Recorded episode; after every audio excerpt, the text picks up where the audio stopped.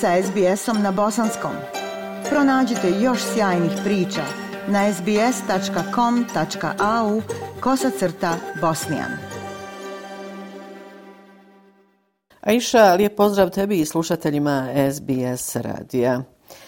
28. novembra Evropski komesar za proširenje Oliver Varhelji dobutovao je u Sarajevo u dvodnevnu posjetu i prvog dana te posjete razgovarao je najprije sa članovima predsjedništva Bosne i Hercegovine.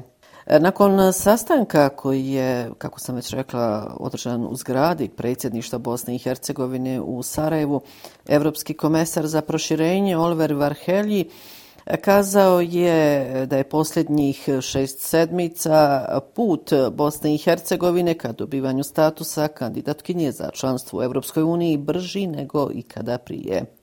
Varhelj je podsjetio da je Evropska komisija nedavno preporučila Evropskom vijeću da Bosna i Hercegovina dobije status kandidatkinje, te da je u Bosni i Hercegovini došao da bi razgovarao o tome kako da se to i ostvari. Naglasio je da su uvijek potrebne dobre vijesti iz Sarajeva, a sada više nego ikada prije. Poslušajte šta je dakle između ostalo kazao Oliver Varhelji. Prije svega evo imamo formirano predsjedništvo u rekordnom roku, jedno višegodišnje pitanje koje se tiče Europola je konačno riješeno i tu je, su još neki drugi elementi koji su se realizirali ili su u procesu realizacije. Tu sad neke druge stvari naravno potrebno nam je da se i formira zakonodavna vlast u novom sazivu. Ja očekujem što prije pozitivne vijesti i iz parlamentarne e, skupštine jer nam je potrebno da što hitnije se formiraju i što hitnije pristupe aktivnostima. Uh, as fast as they can. Novinarima se se obratili i e, članovi predsjedništva Željka Cvijanović i član e, predsjedništva Denis Bečirović. Predsjedavajuća predsjedništva Bosne i Hercegovine Željka Cvijanović istakla je da se nada da će Evropska unija razumjeti, kako ona kaže, naše specifičnosti. Član predsjedništa Bosne i Hercegovine Denis Bečirović kazao je da smo u protekle četiri godine imali period zastoja. Vrijeme je da to promijenimo i napravimo pozitivan preokret. I s prijateljima iz Evropske unije dinamiziramo naš put prema Evropskoj uniji, kazao je Bečirović. Poslušajte Željku Cvijanović i Denisa Bečirovića. Želim da na neki način oživimo naš sistem koordinacije koji bi omogućio organizovano, smišljeno kretanje na evropskom putu, a ne da sačekujemo jedni druge mnogo vremena i bez bilo kakvog objašnjenja ili razloga. Jako je važno da se istinski okrenemo u pravcu evropskih integracija, ali i da političari u Bosni i Hercegovini promijene temeljni pristup. Neće se Evropska unija prilagođavati standardima i kriterijima Bosne i Hercegovine. Naša je obaveza u Bosni i Hercegovini da se prilagođavamo standardima i kriterijima Evropske unije.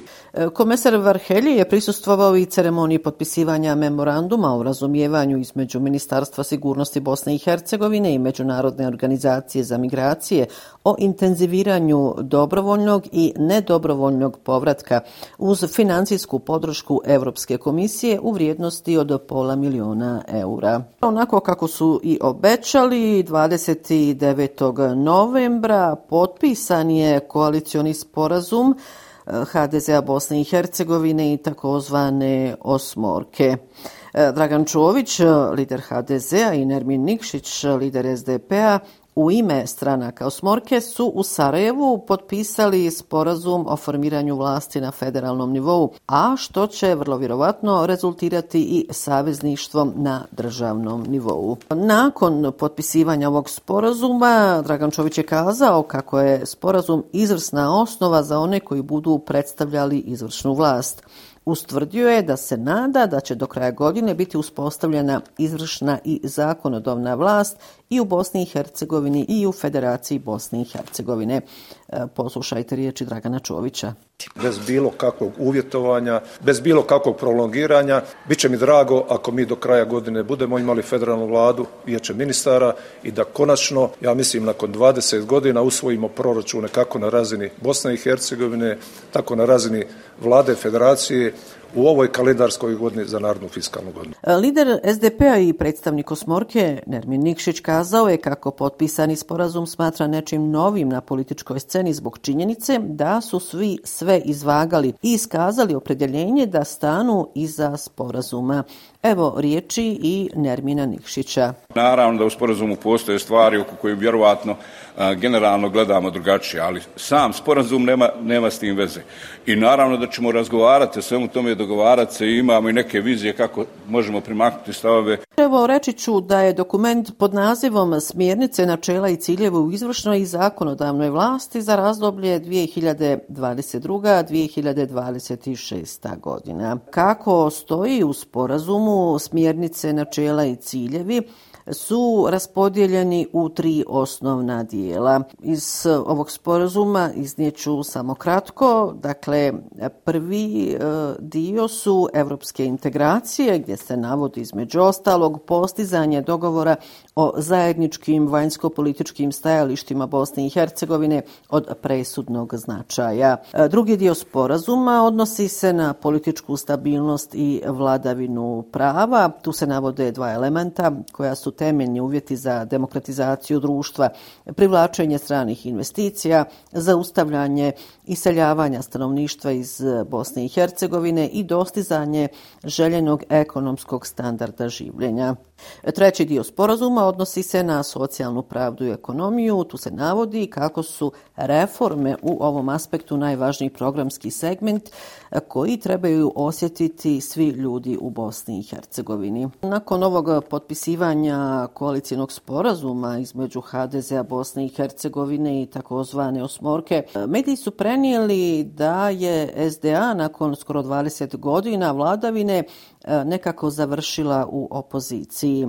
A kada je riječ o državnom nivou e, na ovoj preskonferenciji koja je održana nakon potpisivanja sporazuma, lider SDP-a Nermin Nikšić kazao je da će se e, najvjerovatnije e, sporazum potpisati i sa SNSD-om jer je SNSD na državnom nivou neizbježan. Poslušajte, dakle, Nermina Nikšića teško da će se moći izbjeći eh, SNSD i to je nešto neka naša realnost koju trebamo ovaj, prihvatiti i ispoštovati. Vrlo eh, čvrsto opredjeljen da radimo zajedno, da pokažemo da je moguće promijeniti stanje eh, u Bosni i Hercegovini, da je moguće promijeniti sistem, da je moguće da imamo izvršnu vlast koja će se držati programa, izvršavati ono što je obećala, izvršavati ono što smo dogovorili. Ta isti dan kada je potpisan ovaj sporazum o kojem sam malo prije govorila, Bakir Izetbegović, lider stranke demokratske akcije, dao je intervju za federalnu televiziju i prema njegovim riječima nije sve još gotovo i on smatra da je ovaj sporazum između HDZ-a i takozvane osmorke zapravo na neki način blef. Evo, poslušajte samo dio iz intervjua koji je Bakir Izetbegović dao federalnoj televiziji. Par stvari me tu zanima, one su neprecizne, sporazum je očigledno rađen u, kao što su sami priznali, u eh, uh, HDZ-u, jel, u ofisu HDZ-a, šta kane sa, sa dakle, RTV sistemom, šta prije toga kane, kane kakve promjene ustava, šta su to obećali eventualno osmorka HDZ-u da će uražiti, mi nismo htjeli da pristanemo da, da uradimo, pa je dio toga nametnuo Šmit šta sa obavištajnom službom su na kanalu, šta sa pravosudnim sistemom. Dakle, to, je sad, to su još uvijek samo opredeljenja da će se nešto raditi. Šta? Zašto je, zašto je HDZ instirao i, i, i na šta se tu eventualno pristalo, a da nije precizirano u samom sporazumu? A iše umeđu vremenu 1. decembra konstituisanjem novog rukovodstva federalnog i parlamenta Bosne i Hercegovine definitivno je potvrđeno da u Bosni i Hercegovini postoji nova parlamentarna većina koju neće činiti SDA i evo koja, kako opet kažem, prenose mediji nakon 20 godina vladavine ide u opoziciju. E, to znači da će nova većina u federaciji i državi okupljena oko Smorke i HDZ-a imati dovoljno ruku da imenuje vladu federacije Bosne i Hercegovine i vijeće ministara Bosne i Hercegovine. Na federalnom nivou većinu će činiti stranke Osmorke i HDZ-a, dok će im se na državnom nivou pridružiti i SNSD. Na državnom nivou za predsjedavajućeg predstavničkog doma Parlamentarne skupštine Bosne i Hercegovine je sa 24 glasa za, 16 protiv i jednim suzdržanim izabran Denis Zvizdić iz Naroda i pravde. Marinko Čavara iz HDZ-a i Nebojša Radmanović iz SNSD-a izabrani su za njegove zamjenike. Kada je u pitanju predstavnički dom Parlamenta Federacije Bosne i Hercegovine za poziciju predsjedavajuće imenovana je Mirjana Lepić iz naše stranke, dok su do predsjedavajući Edin Gabela iz stranke za BiH i Mladen Bošković iz HDZ-a Bosne i Hercegovine. Eto, iša, ovo je bila ujedno i posljednja informacija u ovom ovo sedmičnom eh, javljanju iz glavnog grada Bosne i Hercegovine. Još jednom vam lijepe pozdrave iz Sarajeva šalje Semra Duranović-Koso. SBS na Bosanskom. Podijelite naše priče preko Facebooka. Želite poslušati još ovakvih priča?